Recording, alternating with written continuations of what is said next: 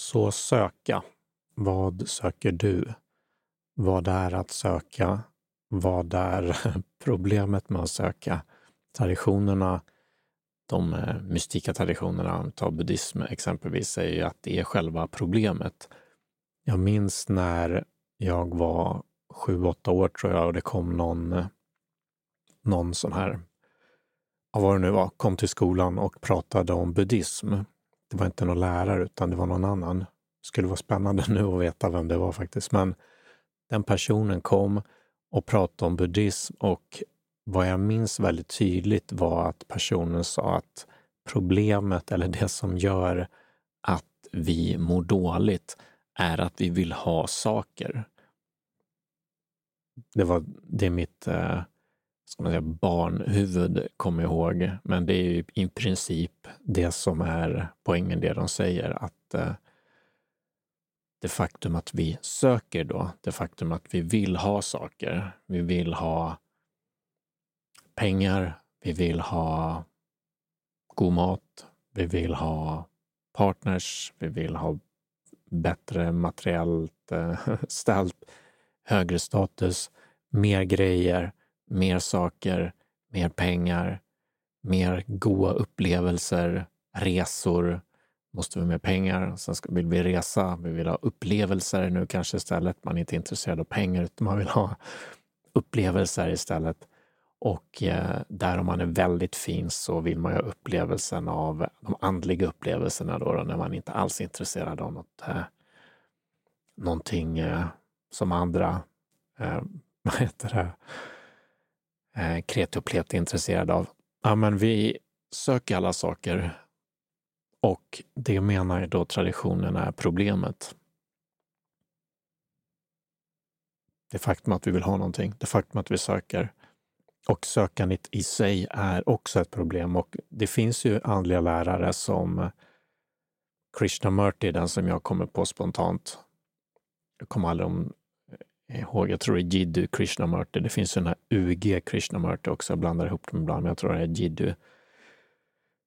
Jiddu Krishnamurti som var en sån här typisk non-duality-lärare och det finns en del eh, en del sådana nu levande också. Man kan hitta dem på Youtube som eh, ja, men, har den här Gary Parsons, eh, heter, han, heter han så? Ja, jag tror det.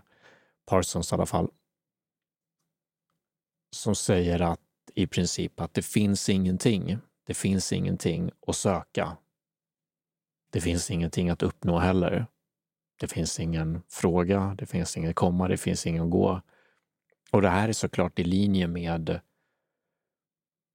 många ja, men, icke-dualistiska texter eller sanningar från eh, gamla traditioner också. Det är inget nytt som kom med, med dem, men vad det gjort med eh, vissa av dem då, så som eh, Jiddu Krishnamurti då, var att han inte heller lärde ut, utöver att han lärde ut att det inte finns någonting att göra, som är en typ av sanning, eller man ska säga, så lärde han också ut det rent praktiskt, alltså på så sätt att han inte föreslog några praktiker egentligen, utan att han likt hur, eh, jag kommer inte ihåg vad han heter, Parsons, bara säger de här sakerna, bara det finns inget att göra, det här är bara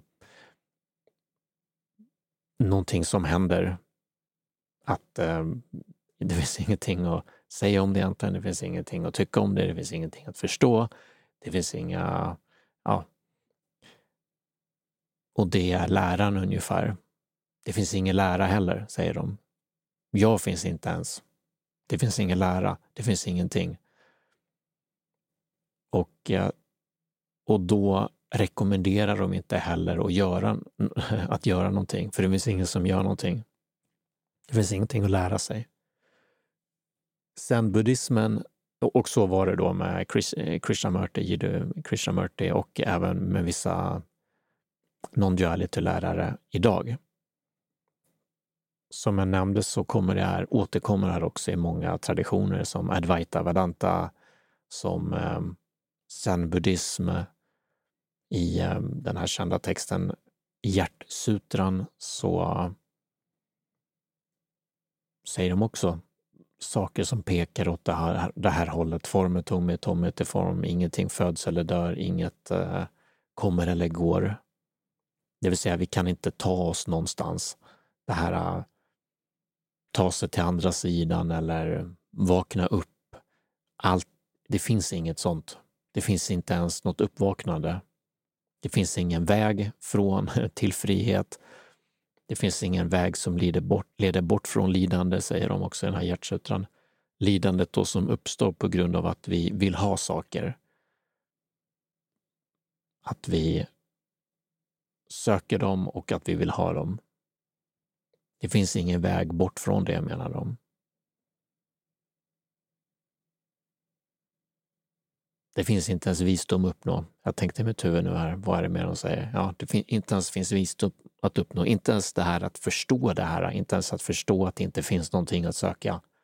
Inte ens förstå det här att eh, det inte finns någon upplysning. Det finns inget uppvaknande. Det finns ingenting. Det finns ingenting att säga om någonting. Det är inte det. Det är inte det, det här äh, Neti Neti som man ibland kallar det, Nagarjuna, en annan buddhist som blev känd, eller man ska uttrycka det för att prata om det, att det här, äh, inte det här, det, inte, det finns inte upplysning, skulle han säga då. Då säger man, så, så är det så att det inte finns? Nej, det är inte så att det finns upplysning, men det är inte så att det inte finns heller. Ja, men är det så att det både finns upplysning och inte finns upplysning? Nej, det, finns, det var inte så heller. Är det du säger rätt? Kan man säga. Nej, det är det inte. Så det är bara negationer. Samma som den, likt i alla fall, den apofatiska teologin i kristendomen, via negativa som den kallas.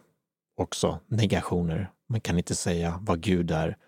Vi kan inte säga vad den ultimata sanningen är det är också ett sätt att se på det, att det här handlar om olika, om vi har de, inom buddhismen då, det här som jag lärde mig som litet barn, att eh, det, det, är det faktum att vi vill ha saker som gör att vi mår dåligt ungefär, för om vi inte skulle vilja ha dem så skulle vi inte må dåligt av att vi inte får dem. Det är en typ av lära på en nivå. Från det här perspektivet av att det inte finns någonting, finns det såklart inga nivåer heller. Det finns inget högre, det finns inget lägre as above, so below. Men vissa traditioner gör också skillnad på absolut och relativ verklighet, där det här som eh, Jiddu Krishnamurti då säger att det inte finns någonting, finns ingenting att göra, finns ingen lära. Det skulle vara då komma från det absoluta perspektivet medan det här relativa perspektivet skulle kunna prata om att ja, men eh, vi kan också tänka i termer av eh, läror på olika nivåer eller på olika sätt, hur man nu vill se det. Så ett är att förstå det här med roten till lidande som buddhismen pratar mycket om och vägen ur. Senare då kan det komma det här som de också lär ut i, i Hjärtsutran som är deras, eh, ja men en av de finaste texterna där, mest vördade, högaktade, likt Bibeln i kristendomen där de säger att det inte finns någon väg ur lidande. Så vad är det de pratar om då? Det var ju det de sa, att det fanns en väg ur lidande, det här man skulle komma förbi begären. Det vi söker.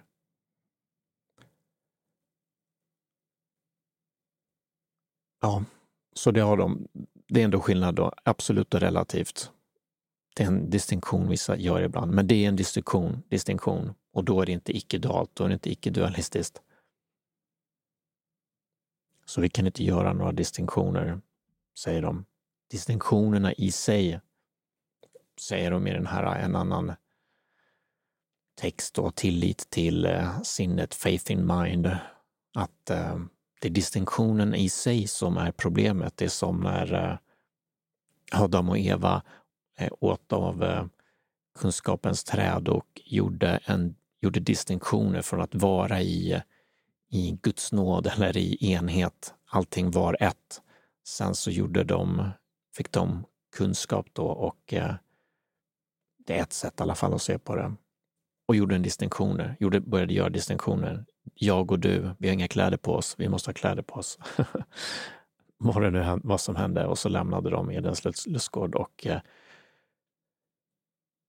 hamnade i det här då som vi lever i idag. Där är massa jobbiga grejer och eh, skillnad på jag och du och eh, väldigt många distinktioner och eh, särskiljanden.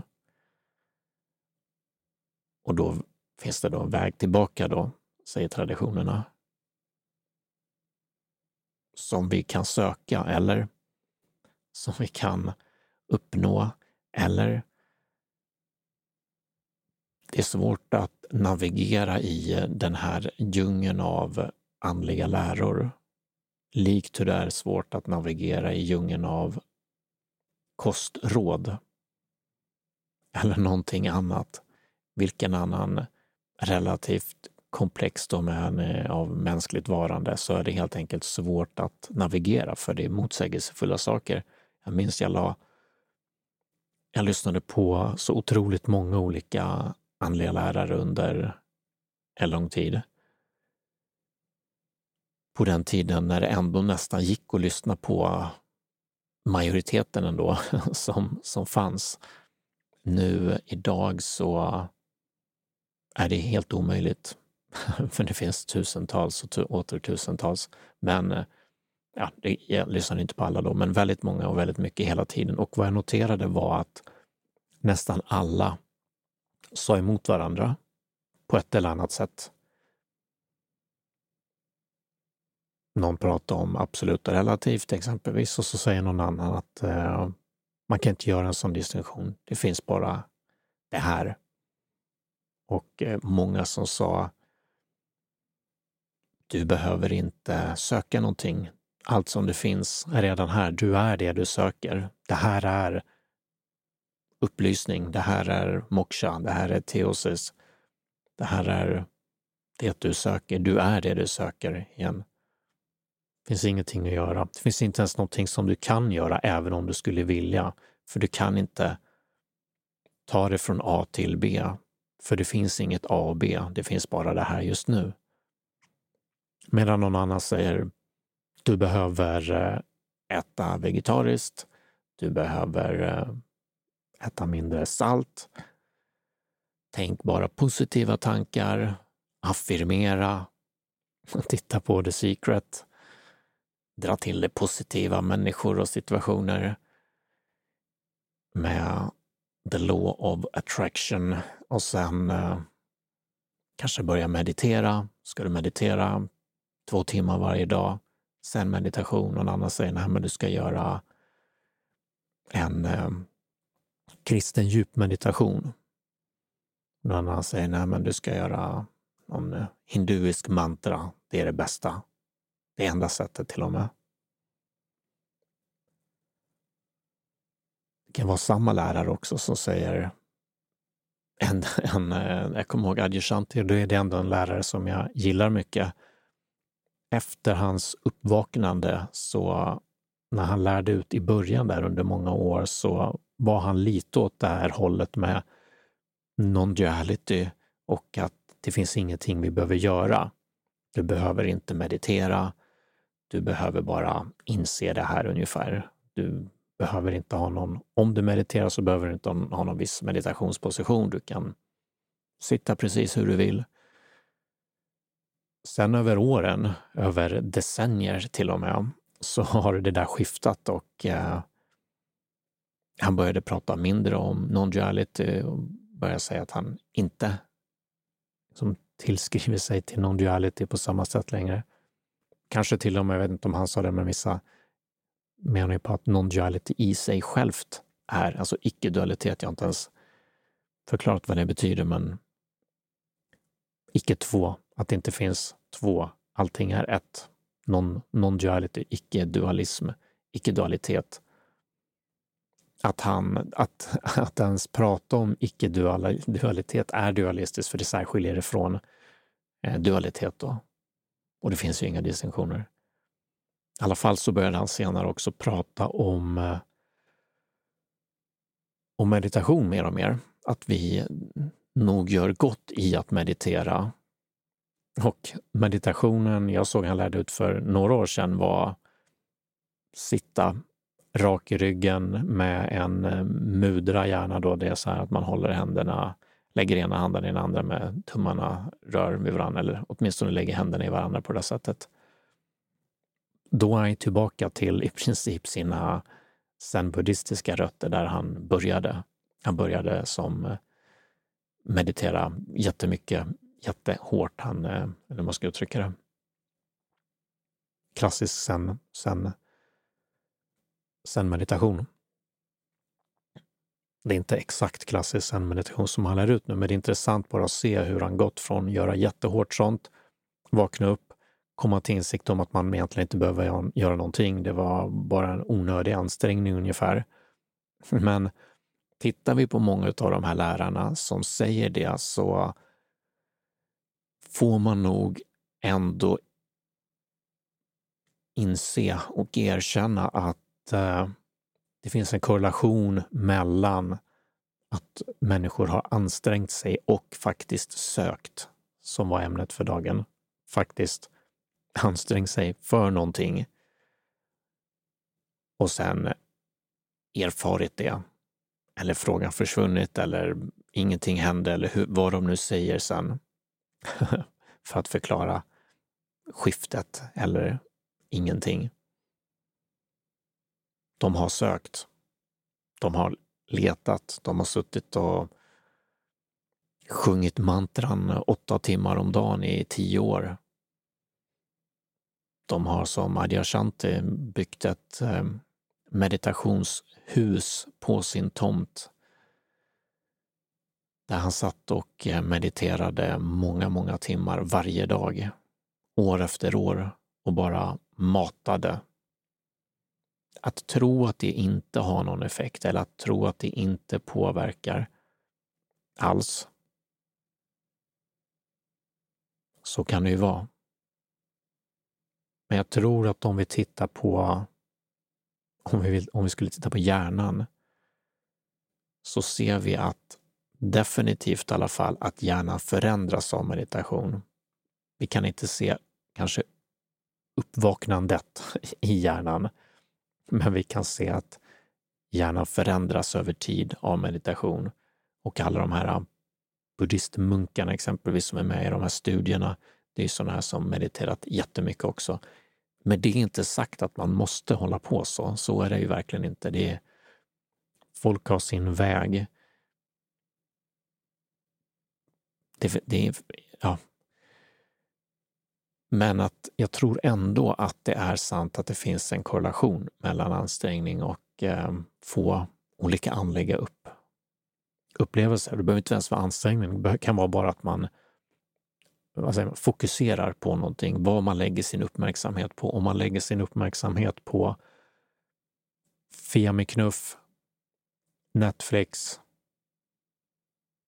jobbet, vänner, och inget mer, så är det så är sannolikheten för andliga upplevelser mindre om man inte har det bara flax ungefär. Mycket tur eller mycket karma eller mycket biologi, hur vi nu vill se på hur världen fungerar.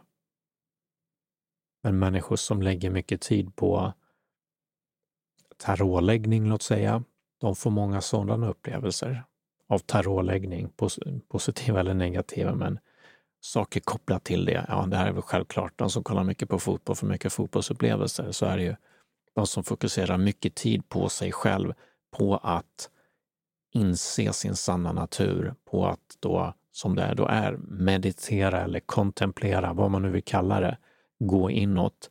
De får mer, sannolikheten ökar för fler sådana, fler sådana upplevelser.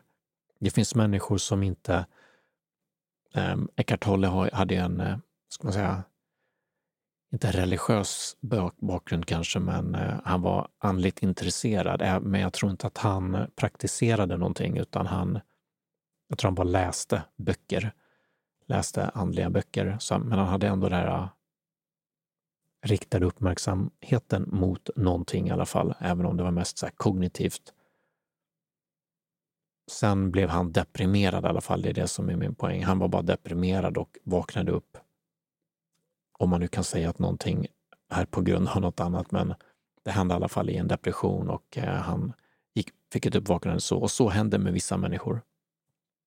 Att de bara mår väldigt dåligt och någonstans där så skiftar det för dem. Men det är ju en på miljonen. Det är nästan en på miljonen som håller på med, med mer andliga praktiker också, men det är inte riktigt så illa. Det finns folk som Jeffrey Martin som har gjort eh, men, det är inte jätterigorösa, men de mest rigorösa studierna vi har, så vitt jag vet, annat än de här hjärnavbildningsstudierna eh, som Richard Davidson och de har gjort. Men det handlar inte om uppvaknande. De pratar inte om det, för man får inte prata om det i princip i, i vanlig forskning, utan då kan man prata om så här hjärnaktivitet och hur de mår, att de eh, har ingen ångest, de här munkarna, och att de har jättemycket eh, aktivitet i vänstra frontalloben och sånt där och det korrelerar med lycka.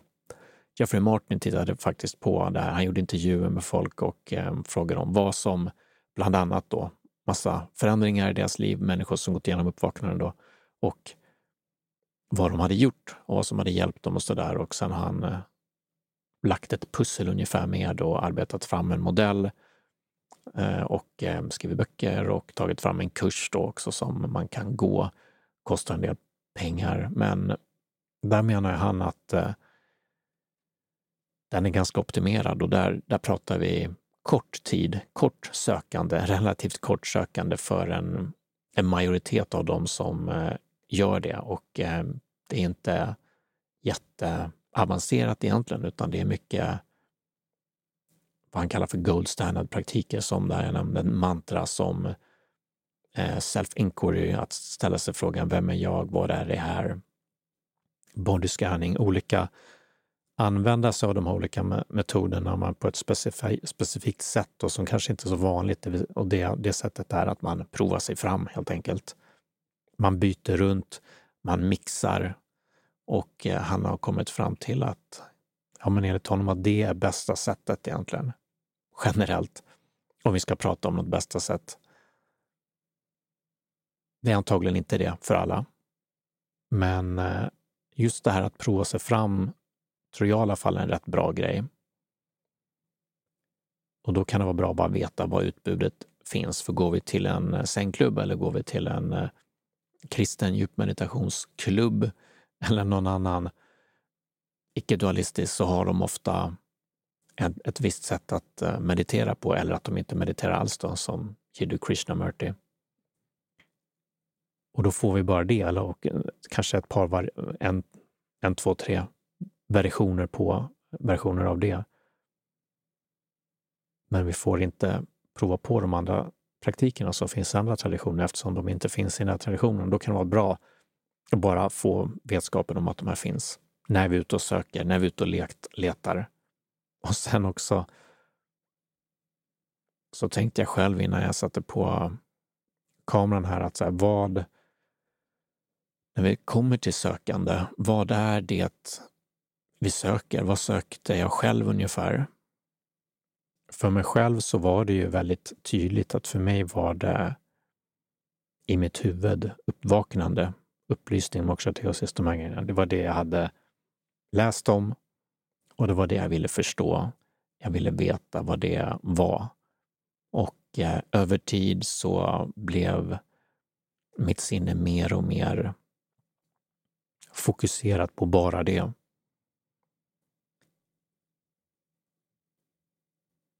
Men när det beger sig mer, så i alla fall min upplevelse att vi faktiskt inte vet vad det är vi söker. Det är någonting annat.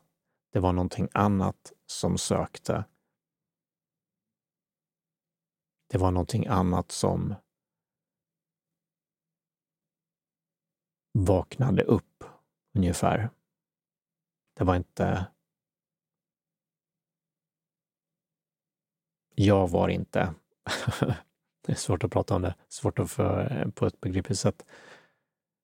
Den som, eh, en eh, andlig lärare, eller mystiker, psykolog, eller vad man ska kalla honom, författare, Ken Wilber, tror jag brukar säga det här, jag tror han citerar någon, men han säger i alla fall att eh, när du går på den andliga vägen, när du söker efter saker så är det egot, jaget, självet, det här lilla jaget som man ska säga, gör bara så mycket. Sen så tar det stora självet över, eller sen tar Gud över, eller sen tar Brahman över, sen tar icke-jaget över, hur man nu vill se på det. Någonting annat tar över. Över tid.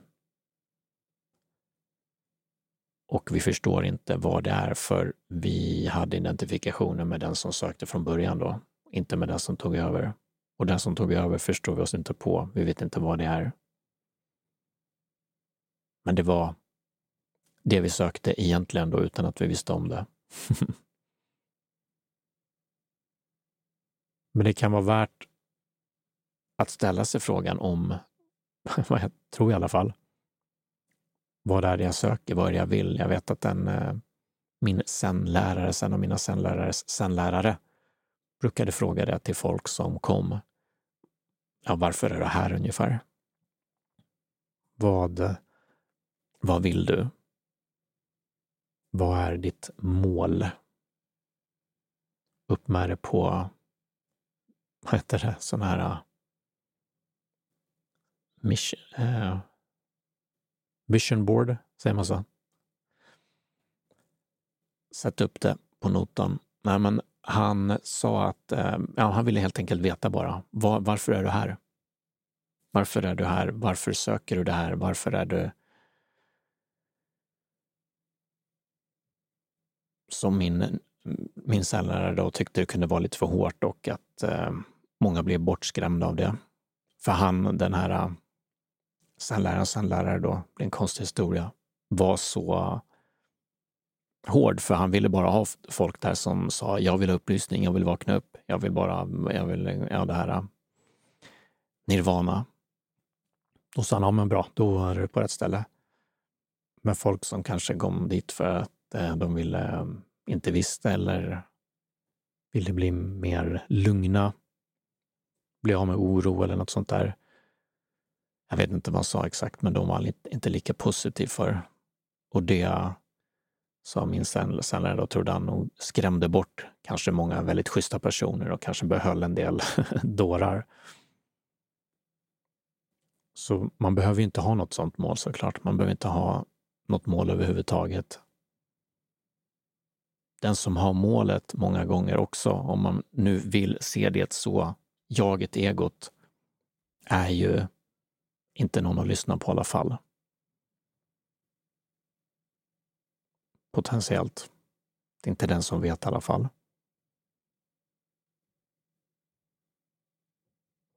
Men vi kan röras av någonting. Vi kan och även om vi säger att vi tror någonting, även om vi säger att vi tror att vi vet varför vi gör olika saker och vi inte vet, så finns det ändå någonting som leder oss. Den helige anden i kristendomen, vår sanna natur då i zenbuddismen. någonting som puttar oss framåt som vi inte blir varse om att den gjort det förrän långt senare när vi tittar tillbaka i bakspegeln och ser på våra liv. Hur, hur kommer det sig att jag kom hit där jag är idag? Det är ofta bästa sättet att eh, förstå sig själv på genom att titta bakåt och se ah, hur kom jag hit? Och väldigt ofta ser vi att det var inte att jag hade så en plan på att det var det här som skulle hända eller att det jag hade tänkt skulle hända hände så som, hade, så som jag hade tänkt det. Ofta så är det, man tänker oj, det var bara en slump att jag gjorde det där eller valde det där.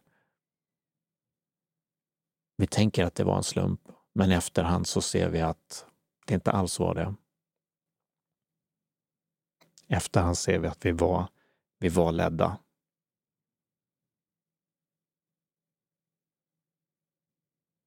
Ja, blev lite osammanhängande där kanske, men eh, sökande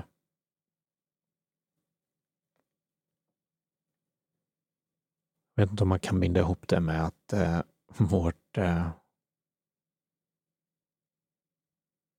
vi blir ledda hela tiden. Vi är alltid ledda. Vi är alltid i Guds famn. Vare sig vi söker eller inte, vare sig vi funnit något eller inte, tror att vi inte funnit någonting, vare sig vi är glada eller ledsna så är vi alltid här. Är vi alltid i eh, nåd i den kristna traditionen? Är vi alltid i, eh, vi är alltid oss själva? Hur skulle vi kunna vara något annat än den vi är? Vi kan ha olika upplevelser, men vi är samma sak. Vi är samma natur, samma medvetande, samma kärlek, samma sak. Ja, tack.